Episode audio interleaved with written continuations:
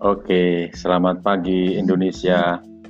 Hari ini adalah saya mencoba pertama menggunakan podcast sebagai alat untuk berbagi pengetahuan, terutama di bidang saya, yakni ekonomi. Saya akan menjelaskan bagaimana prinsip-prinsip ekonomi secara teoritis menjadi mudah dipahami, mudah diselami, dan mudah diterapkan. Karena bagaimanapun juga kita hidup selalu menggunakan sumber daya. Kita hidup selalu mempengaruhi orang lain.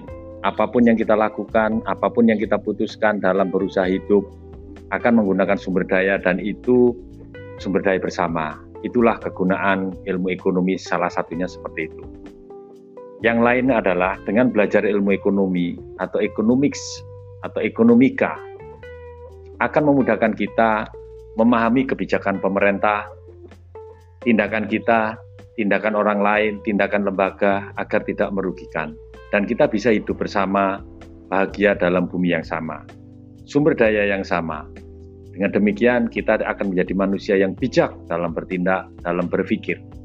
Saya menyebutnya thinking like economist, acting as a person, marketer, businessman,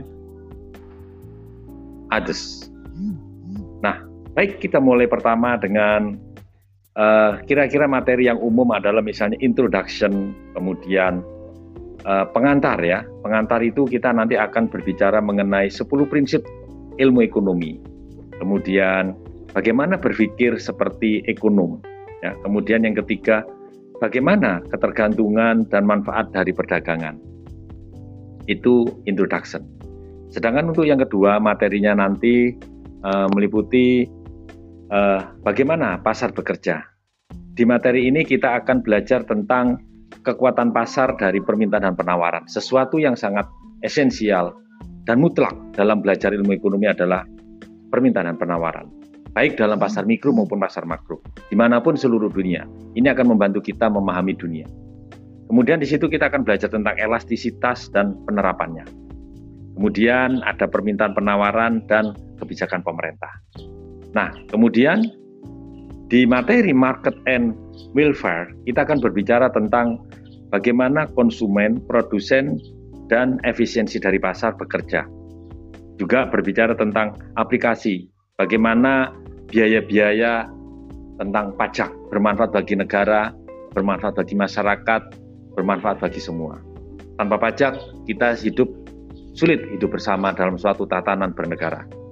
Kemudian materi yang masih tentang market dan welfare adalah penerapan tentang perdagangan internasional. Di situ kita akan berbicara tentang bagaimana memahami hubungan antar negara saling ketergantungan. Ya. Dengan memahami neraca perdagangan, neraca pembayaran dan seterusnya. Kemudian materi selanjutnya adalah uh, economics of the public sector. Artinya bagaimana memahami uh, sektor publik dengan menggunakan ilmu ekonomi. Materinya antara lain tentang eksternalitas, baik eksternalitas positif maupun eksternalitas negatif. Baik tentang public goods maupun common resource. Baik tentang rancangan dari sistem perpajakan. Kemudian uh, materi selanjutnya adalah perilaku perusahaan, firm behavior dan uh, organisasi industri. Di sana kita akan berbicara tentang uh, cost of production jenis-jenis biaya. Ya. Kemudian firm in the competitive market atau persaingan uh, perilaku perusahaan dalam pasar bersaing. Kemudian tentang monopoli, tentang persaingan monopolistik dan tentang oligopoli. Nah, di materi lanjutan itu ada lagi tentang the economic and labor market.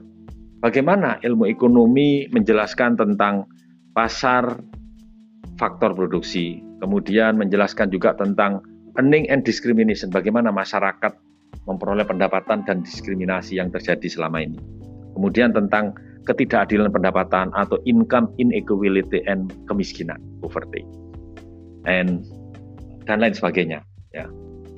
Kemudian uh, tentu kalau belajar ilmu ekonomi harus belajar juga tentang makroekonomi. Apa yang saya ceritakan tadi adalah tentang mikroekonomi terutama.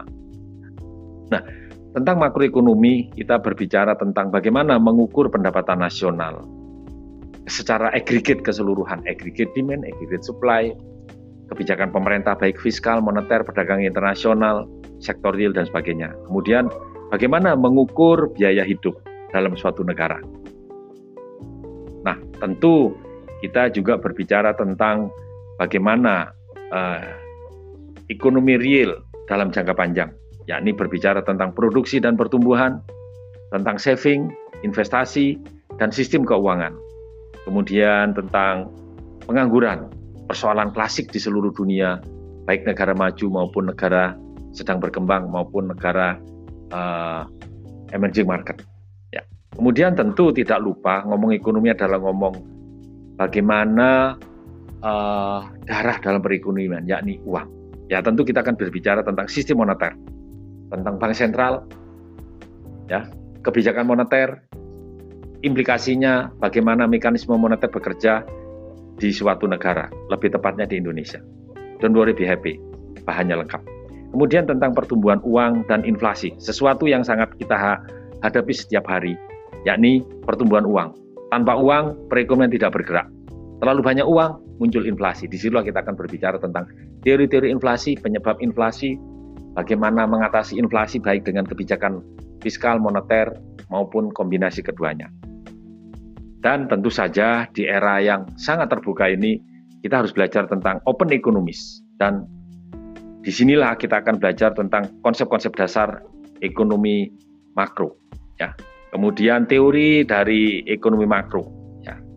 Kemudian yang eh, tidak kalah pentingnya kalau tadi berbicara jangka panjang kita juga berbicara tentang jangka pendek dan fluktuasi dalam fluktuasi ekonomi.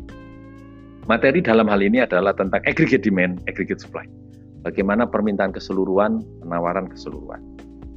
Pengaruh kebijakan moneter dan kebijakan fiskal terhadap permintaan uh, keseluruhan atau aggregate demand. Dan uh, bagaimana trade-off jangka pendek antara inflasi dan pengangguran, sesuatu yang sangat kita hadapi tiap hari. Terlalu banyak uang, inflasi, kurang uang, muncul pengangguran. Di situlah tarik-menarik yang menarik. Tanpa ilmu kita tidak bisa memahami. Tanpa ilmu kita tidak bisa menikmati hidup. Tanpa ilmu kita tidak bisa menikmati hidup. Tanpa ilmu kita tidak bermanfaat untuk orang lain.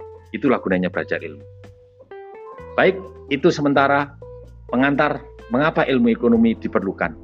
Selamat menikmati serial ekonomi selanjutnya dari SBA, Satrio Budiari.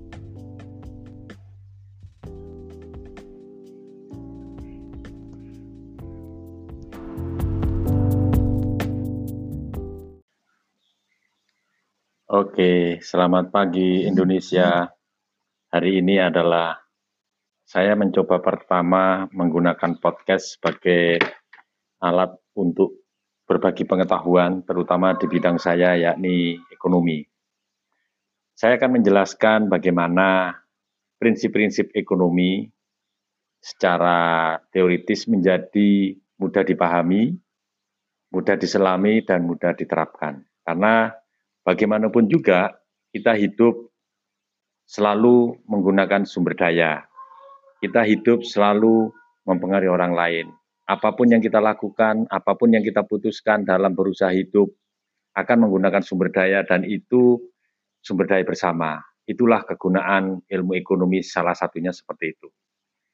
Yang lain adalah dengan belajar ilmu ekonomi atau economics atau ekonomika akan memudahkan kita memahami kebijakan pemerintah, tindakan kita, tindakan orang lain, tindakan lembaga agar tidak merugikan. Dan kita bisa hidup bersama, bahagia dalam bumi yang sama. Sumber daya yang sama. Dengan demikian kita akan menjadi manusia yang bijak dalam bertindak, dalam berpikir. Saya menyebutnya thinking like economist, acting as a person, marketer, businessman, others. Nah, baik kita mulai pertama dengan kira-kira uh, materi yang umum adalah misalnya introduction, kemudian uh, pengantar ya. Pengantar itu kita nanti akan berbicara mengenai 10 prinsip ilmu ekonomi. Kemudian bagaimana berpikir seperti ekonom. Ya, kemudian yang ketiga, bagaimana ketergantungan dan manfaat dari perdagangan. Itu introduction. Sedangkan untuk yang kedua materinya nanti uh, meliputi uh, bagaimana pasar bekerja. Di materi ini kita akan belajar tentang kekuatan pasar dari permintaan dan penawaran. Sesuatu yang sangat esensial dan mutlak dalam belajar ilmu ekonomi adalah permintaan dan penawaran. Baik dalam pasar mikro maupun pasar makro. Di mana pun seluruh dunia. Ini akan membantu kita memahami dunia. Kemudian di situ kita akan belajar tentang elastisitas dan penerapannya. Kemudian ada permintaan penawaran dan kebijakan pemerintah. Nah, kemudian di materi market and welfare, kita akan berbicara tentang bagaimana konsumen, produsen, dan efisiensi dari pasar bekerja. Juga berbicara tentang aplikasi, bagaimana biaya-biaya tentang pajak bermanfaat bagi negara, bermanfaat bagi masyarakat, bermanfaat bagi semua. Tanpa pajak, kita hidup sulit hidup bersama dalam suatu tatanan bernegara. Kemudian materi yang masih tentang market dan welfare adalah penerapan tentang perdagangan internasional. Di situ kita akan berbicara tentang bagaimana memahami hubungan antar negara saling ketergantungan. Ya. Dengan memahami neraca perdagangan, neraca pembayaran dan seterusnya. Kemudian materi selanjutnya adalah uh, economics of the public sector. Artinya bagaimana memahami uh, sektor publik dengan menggunakan ilmu ekonomi. Materinya antara lain tentang eksternalitas, baik eksternalitas positif maupun eksternalitas negatif. Baik tentang public goods maupun common resource. Baik tentang rancangan dari sistem perpajakan. Kemudian uh, materi selanjutnya adalah perilaku perusahaan, firm behavior, dan uh, organisasi industri. Di sana kita akan berbicara tentang uh, cost of production, jenis-jenis biaya. Kemudian firm in the competitive market atau persaingan eh, perilaku perusahaan dalam pasar bersaing. Kemudian tentang monopoli, tentang persaingan monopolistik, dan tentang oligopoli. Nah, di materi lanjutan itu ada lagi tentang the economic and labor market. Bagaimana ilmu ekonomi menjelaskan tentang pasar faktor produksi, kemudian menjelaskan juga tentang earning and discrimination, bagaimana masyarakat memperoleh pendapatan dan diskriminasi yang terjadi selama ini. Kemudian tentang ketidakadilan pendapatan atau income inequality and kemiskinan, poverty, and dan lain sebagainya. Ya. Kemudian uh, tentu kalau belajar ilmu ekonomi harus belajar juga tentang makroekonomi. Apa yang saya ceritakan tadi adalah tentang mikroekonomi terutama. Nah, tentang makroekonomi kita berbicara tentang bagaimana mengukur pendapatan nasional secara aggregate keseluruhan, aggregate demand, aggregate supply, kebijakan pemerintah baik fiskal, moneter, perdagangan internasional, sektor real dan sebagainya. Kemudian bagaimana mengukur biaya hidup dalam suatu negara. Nah, tentu kita juga berbicara tentang bagaimana uh, ekonomi real dalam jangka panjang yakni berbicara tentang produksi dan pertumbuhan, tentang saving, investasi, dan sistem keuangan. Kemudian tentang pengangguran, persoalan klasik di seluruh dunia, baik negara maju maupun negara sedang berkembang maupun negara uh, emerging market. Ya. Kemudian tentu tidak lupa ngomong ekonomi adalah ngomong bagaimana uh, darah dalam perekonomian, yakni uang. Ya tentu kita akan berbicara tentang sistem moneter tentang bank sentral, ya kebijakan moneter, implikasinya bagaimana mekanisme moneter bekerja di suatu negara, lebih tepatnya di Indonesia. Don't worry, be happy, bahannya lengkap. Kemudian tentang pertumbuhan uang dan inflasi, sesuatu yang sangat kita hadapi setiap hari, yakni pertumbuhan uang. Tanpa uang, perekonomian tidak bergerak. Terlalu banyak uang, muncul inflasi. Di situlah kita akan berbicara tentang teori-teori inflasi, penyebab inflasi, bagaimana mengatasi inflasi baik dengan kebijakan fiskal, moneter, maupun kombinasi keduanya. Dan tentu saja di era yang sangat terbuka ini, kita harus belajar tentang open economies. Dan di sinilah kita akan belajar tentang konsep-konsep dasar ekonomi makro. Ya. Kemudian teori dari ekonomi makro. Ya. Kemudian yang eh, tidak kalah pentingnya kalau tadi berbicara jangka panjang, kita juga berbicara tentang jangka pendek dan fluktuasi dalam fluktuasi ekonomi. Materi dalam hal ini adalah tentang aggregate demand, aggregate supply. Bagaimana permintaan keseluruhan, penawaran keseluruhan. Pengaruh kebijakan moneter dan kebijakan fiskal terhadap permintaan uh, keseluruhan atau aggregate demand. Dan uh, bagaimana trade-off jangka pendek antara inflasi dan pengangguran, sesuatu yang sangat kita hadapi tiap hari. Terlalu banyak uang, inflasi, kurang uang, muncul pengangguran. Di situlah tarik-menarik yang menarik. Tanpa ilmu kita tidak bisa memahami.